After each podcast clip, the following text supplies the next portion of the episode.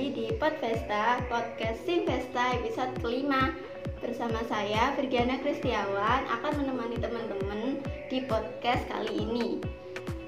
Podcast kali ini akan membahas mengenai arti kemerdekaan dan pemuda. Yang tentu saja aku nggak akan sendirian karena aku ditemani oleh salah satu pemuda sama Diun Yakni Mas Andriko Alamsyah.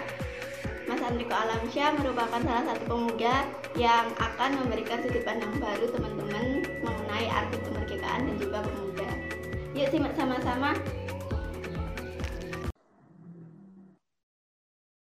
Hai, kembali lagi di Podfesta, podcastin Festa episode kelima. Saya Virgiana Kristiawan akan menemani kalian di kesempatan kali ini yang pasti aku nggak sendirian nih, aku kedatangan narasumber yang sangat luar biasa. Kita sapa dulu yuk. Halo Mas Andriko. Halo, halo, halo. Apa kabar nih? Wah, kabar baik yang tidak terlalu baik karena nyatanya PPKM diperpanjang. Iya. Sialnya. Selesai-selesai ya Mas ya? iya, menciderai kabar baik itu. Oh iya Mas, uh, Mas Andriko kan pasti udah nggak asing sama kalimat tak kenal maka tak sayang. Gimana kalau misalnya yeah. Mas Andriko kenalan dulu biar teman-teman bisa kenal sama Andriko. Silakan. Silakan, oke. Okay. Uh, eh, halo teman-teman sekalian, aku Andriko Alamsyah. Uh, aku asli Madiun dan kebetulan aku kuliah di Jember. Aku di FISIP jurusan Sosiologi. Oh, ternyata anak Jember juga ya, anak UNED. Iya, udah lama tapi nggak nggak ke sana. Iya, mungkin kalau udah um, normal lagi bisa main-main ke sana, Mas. Boleh, boleh, boleh, boleh. Okay. Amin ya, segera normal ya semoga. Amin. Oh ya, Mas. Uh, gimana sih perasaan Mas Andriko waktu diundang sebagai pemateri di podcast uh, Sinvesta kali ini? Kalau uh, perasaan jujur tetap seneng, uh, seneng itu pasti karena suatu kehormatan ya mendapatkan undangan menjadi narasumber. Terlebih temanya, temanya ini bikin aku uh, merasa terharu aja sih dipercayai ngisi apa podcast dengan tema kemerdekaan. Jadi itu sih selain aku seneng, aku juga ngerasa bersyukur banget dikasih kesempatan ngisi di tema kemerdekaan. Oke. Oh iya Mas, uh, makasih sebelumnya karena udah bersedia ngobrol sama aku di podcast kali ini ya. Yang meluangkan Angel. waktunya. Ya, siap-siap sama-sama. Oke. Okay. Um, karena kita udah saling kenal nih ya. Jadi mungkin kita langsung aja ke topiknya. Hmm. Ayo. Uh, Uh, sekarang kan udah memasuki bulan Agustus ya, bulan kelahiran negara tercinta ini. Ulang tahun nih tanggal 17 Agustus besok. Tapi Mas Enrico ya. sendiri juga tahu kan kalau ha, tahun ini tuh udah dua tahun berturut-turut kemerdekaan nggak hmm. bisa dirayain secara rame-rame, secara yeah. sukacita gitu kan, karena adanya pandemi. Gimana sih pandangan Mas Andriko mengenai hal tersebut? kalau aku pribadi sih nanggepin ini dua tahun berturut-turut kita apa itu kemerdekaan Indonesia dilaksanakan atau terjadi pada waktu pandemi. Kalau aku pribadi sudut pandangku adalah ini bukan tentang perayaan. Sekali lagi ini bukan tentang perayaan, ini tentang perenungan. Mungkin kita sebagai hamba-hamba atau manusia-manusia ini terlalu banyak melakukan perayaan sehingga kita kurang melakukan perenungan. Alhasil dua tahun ini sudah sepantasnya kita menjadikan yang katanya perayaan kemerdekaan, mari kita ubah sudut pandang kita menjadi perenungan kemerdekaan. Sudah semerdeka apa diri ini? Sudah semerdeka apa bangsa ini? Kalau kita masih berkutat dalam uh, embel-embel perayaan kemerdekaan, Menurutku enggak, karena sejatinya kita belum benar-benar merdeka loh. Maksudku masih banyak banget yang apa itu yang berada di bawah, mohon maaf berada di bawah angka kemiskinan, banyak yang belum mengenyam pendidikan secara normal, banyak yang ya pokok banyak-banyak lah kisah-kisah pilu yang masih melukai Ibu Pertiwi ini. Dan itu menurutku belum bisa diomong merdeka. Ya mungkin merdeka kita ini hanya sekadar sebagai ya 17 Agustus pembacaan teks proklamasi. Tapi kalau esensi dari kata merdeka secara utuh merdeka dalam arti benar-benar merdeka belum kita hanya merdeka yang merdeka yang bebas dari penjajah yang merdeka kita mendapat hidup sejahtera masih belum Indonesia yang seperti ini yang katanya sumber daya alamnya melimpah yang melimpah ruah yang luar biasa tapi kita belum bisa mengelola. Kita masih berada di bayang-bayang pihak-pihak tertentu yang itu bukan dari Indonesia gitu loh. Maksudku kita contoh ambil contoh aja Freeport kan juga belum menjadi milik kita kan. Nah itu belum bisa dibilang merdeka. Nah makanya dalam dua tahun ini kita jadikan perayaan kemerdekaan ini diubah menjadi perenungan kemerdekaan ya karena itu tadi sejauh ini mungkin kita terlalu banyak merayakan hingga kita lupa merenungkan. Mungkin gitu sih.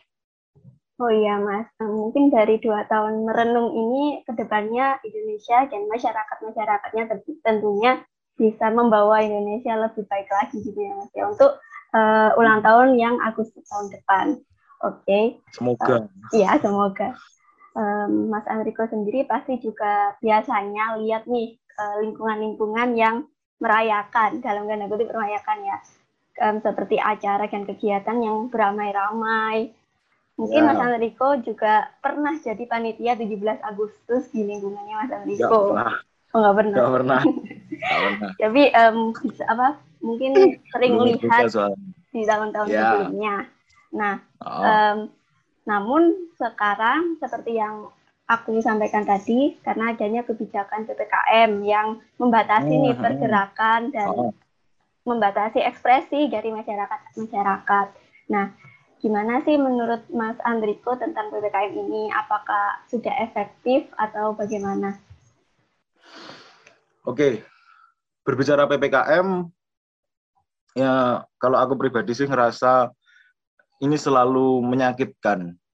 Ini memilukan juga karena apa? Karena PPKM ini hanya efektif jika diterapkan kepada pihak-pihak tertentu. Misal eh, menerapkan PPKM untuk golongan menengah ke atas ya oke PPKM bisa efektif. Tapi apa kabar tentang saudara-saudara kita yang beliau-beliau ini bergelut dengan debu jalanan dengan apa itu terik matahari, beliau yang masih pulang ditunggu keluarganya, ada tulang punggung yang bekerja keras. PPKM menurutku nggak efektif untuk mereka-mereka. Jadi ada dua, dua, dua sisi untuk siapa ini diterapkan dan bagaimana efektivitasnya ya seperti itu. Kalau ini ditaruh atau diterapkan kepada mereka-mereka yang sudah kasarannya sudah memiliki perekonomian yang cukup, untuk saudara-saudara kita yang perekonomian masih di bawah ini sangat tidak efektif apalagi ya aku ada kegiatan sama teman-teman itu itu kegiatan-kegiatan yang aku lakukan itu juga menyita hati banget karena aku ngerti gimana mereka di jalan, mereka merasakan keluh kesah mereka itu menguras hati banget gitu loh. Bahkan beberapa kali itu ada teman-teman bahkan aku sendiri sempat meneteskan air mata karena sebegitu mengerikannya apa yang mereka rasakan, apa yang mereka alami. Jadi efektivitas PPKM ini sebenarnya perlu dipertanyakan sih. Maksudku ya itu tadi kepada siapa uh, ini diterapkan. Ya yang membuat kebijakan adalah mereka-mereka yang kehidupannya udah mapan, itu mutlak. Jadi ya mungkin mereka berasumsi itu udah udah udah efisien, udah efektif. Tapi kalau untuk saudara-saudara kita ya nyun yang pedagang kaki lima yang jualan jualan di pinggir jalan atau mereka-mereka yang tukang becak uh, aku berani jamin ini nggak efektif apalagi di beberapa kota terutama di kota aku sendiri itu jam 8 lampu udah padam lampu udah mati nah kalau lampu jam 8 mati mereka-mereka yang baru berjualan sore semisal angkringan semisal warung makan tenda itu kan mereka baru buka sore kan mayoritas. Nah, itu jam 8 udah tutup uh, dapat uang dari mana gitu loh. Selain selain selain nggak dapat untung, mayoritas aku yakin malah rugi beberapa kali juga dapat cerita dari mereka beliau-beliau itu ya seperti itu. Itu sih mungkin kalau aku nggak efektif kalau diterapkan kepada saudara-saudara kita dan kalau berkaca dari angka garis ekonomi uh, yang ekonominya menengah ke bawah, Indonesia masih mengalami seperti itu ya kan.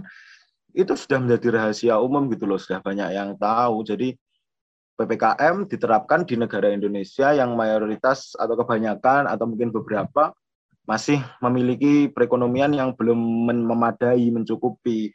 Jadi yang nggak efektif. Itu sih kalau aku. Oke, jadi um, kalau dilihat dari masyarakatnya sendiri juga lebih condong banyak nggak efektifnya gitu ya. Soalnya um, banyak saudara-saudara kita yang malah kesusahan karena adanya kebijakan ini. Oke. Okay.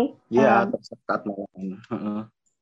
Ya, um, Mas Enrico kan sebagai pemuda nih dan pemuda-pemuda di luar sana itu kan merupakan agen perubahan. Nah, apa sih yang harus dilakukan oleh para pemuda tersebut di hari kemerdekaan ini? Um, seperti kegiatan-kegiatan positif apa yang sekiranya bisa membantu masyarakat di masa di masa-masa kesulitan selama ppkm? Oke, kalau berbicara hal pemuda dan Indonesia dan merdeka katanya itu pemuda-pemudi ini yang pertama menurutku harus berpikir dulu sebelum mereka melakukan. Karena ya ini aku nggak tahu ya aku termasuk mengeneralisir atau enggak aku banyak menemui fakta bahwa pemuda-pemudi ini masih enggan untuk berpikir. Mereka masih terlalu sibuk dengan dunianya, mereka masih terlalu sibuk dengan ya itu tadi dunianya sehingga mereka melupakan bahwa mereka apalagi ini ini khusus untuk uh, mahasiswa ya maksudku uh, yang nggak mau ber, yang harus berpikir terlebih dahulu adalah ya teman-teman mahasiswa menurutku bagaimana sepantasnya merealisasikan esensi kata maha dalam mahasiswa berat loh itu mahasiswa itu berat banget. Kita berbicara yang ringan-ringan dan itu masih menjadi kita.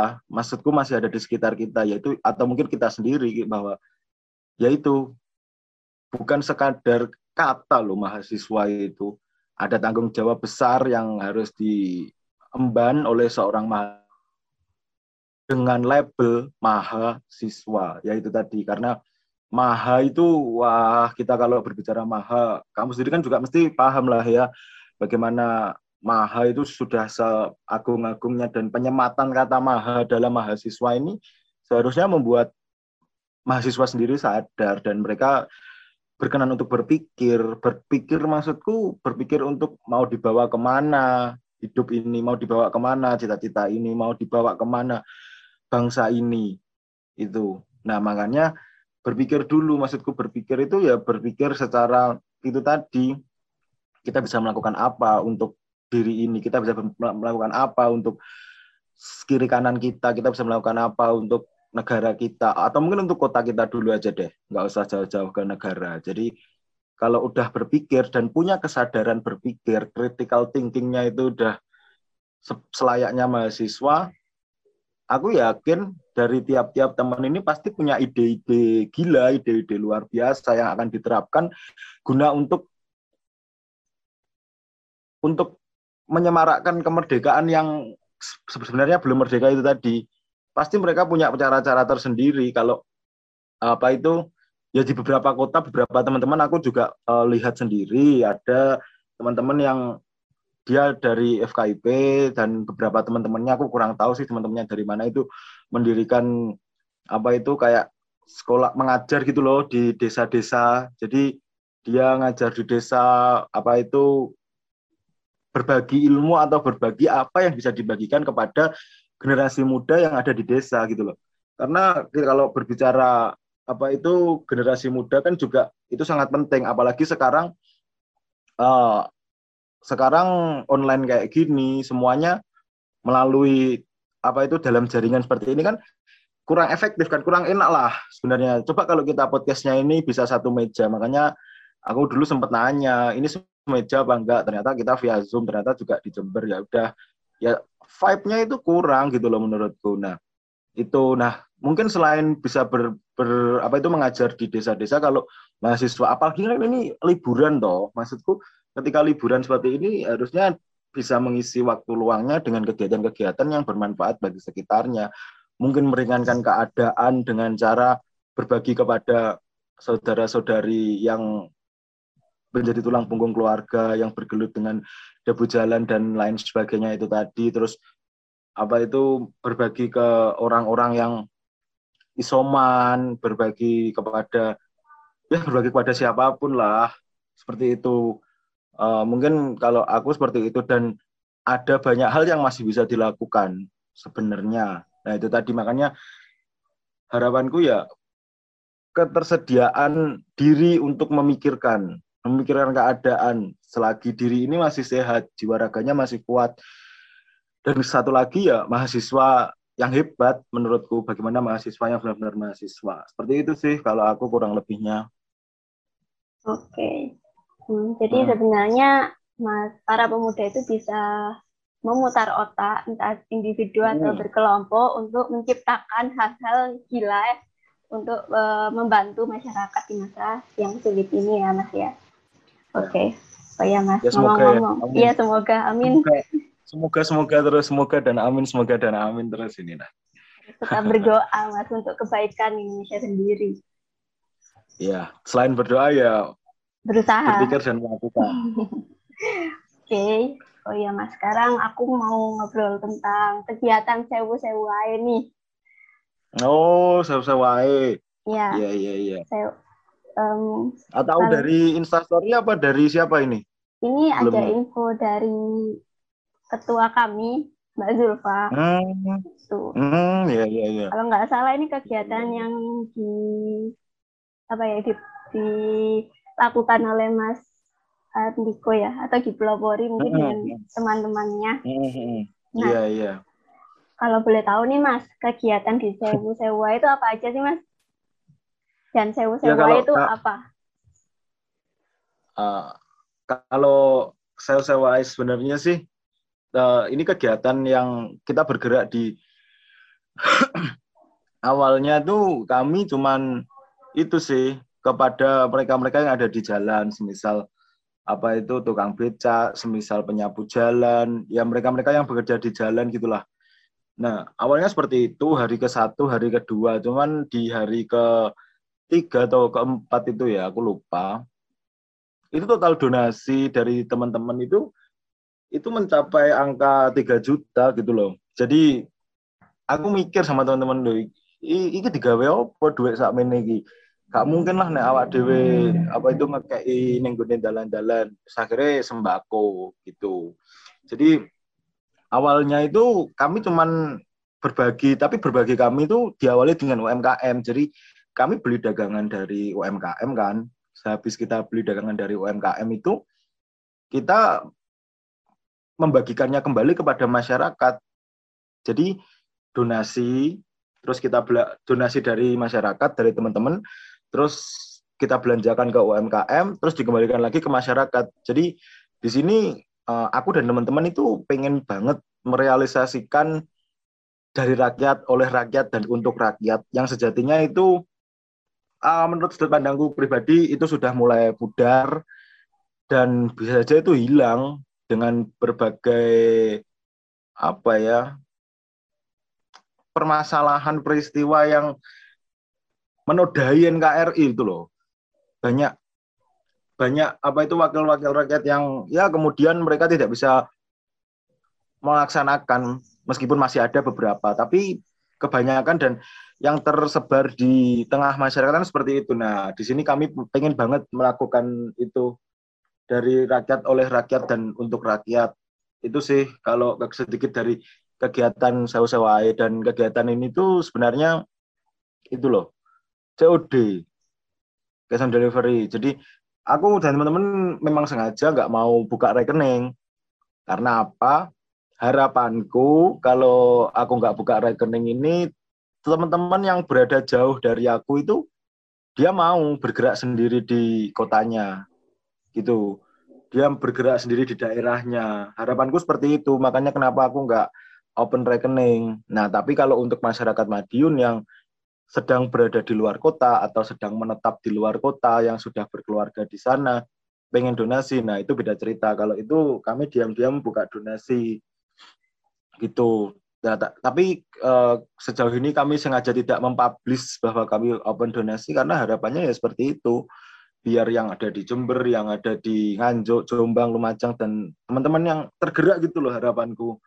Itu sih harapannya dan luar biasanya hari ini. Oh iya, hari ini ini tanggal 10 toh?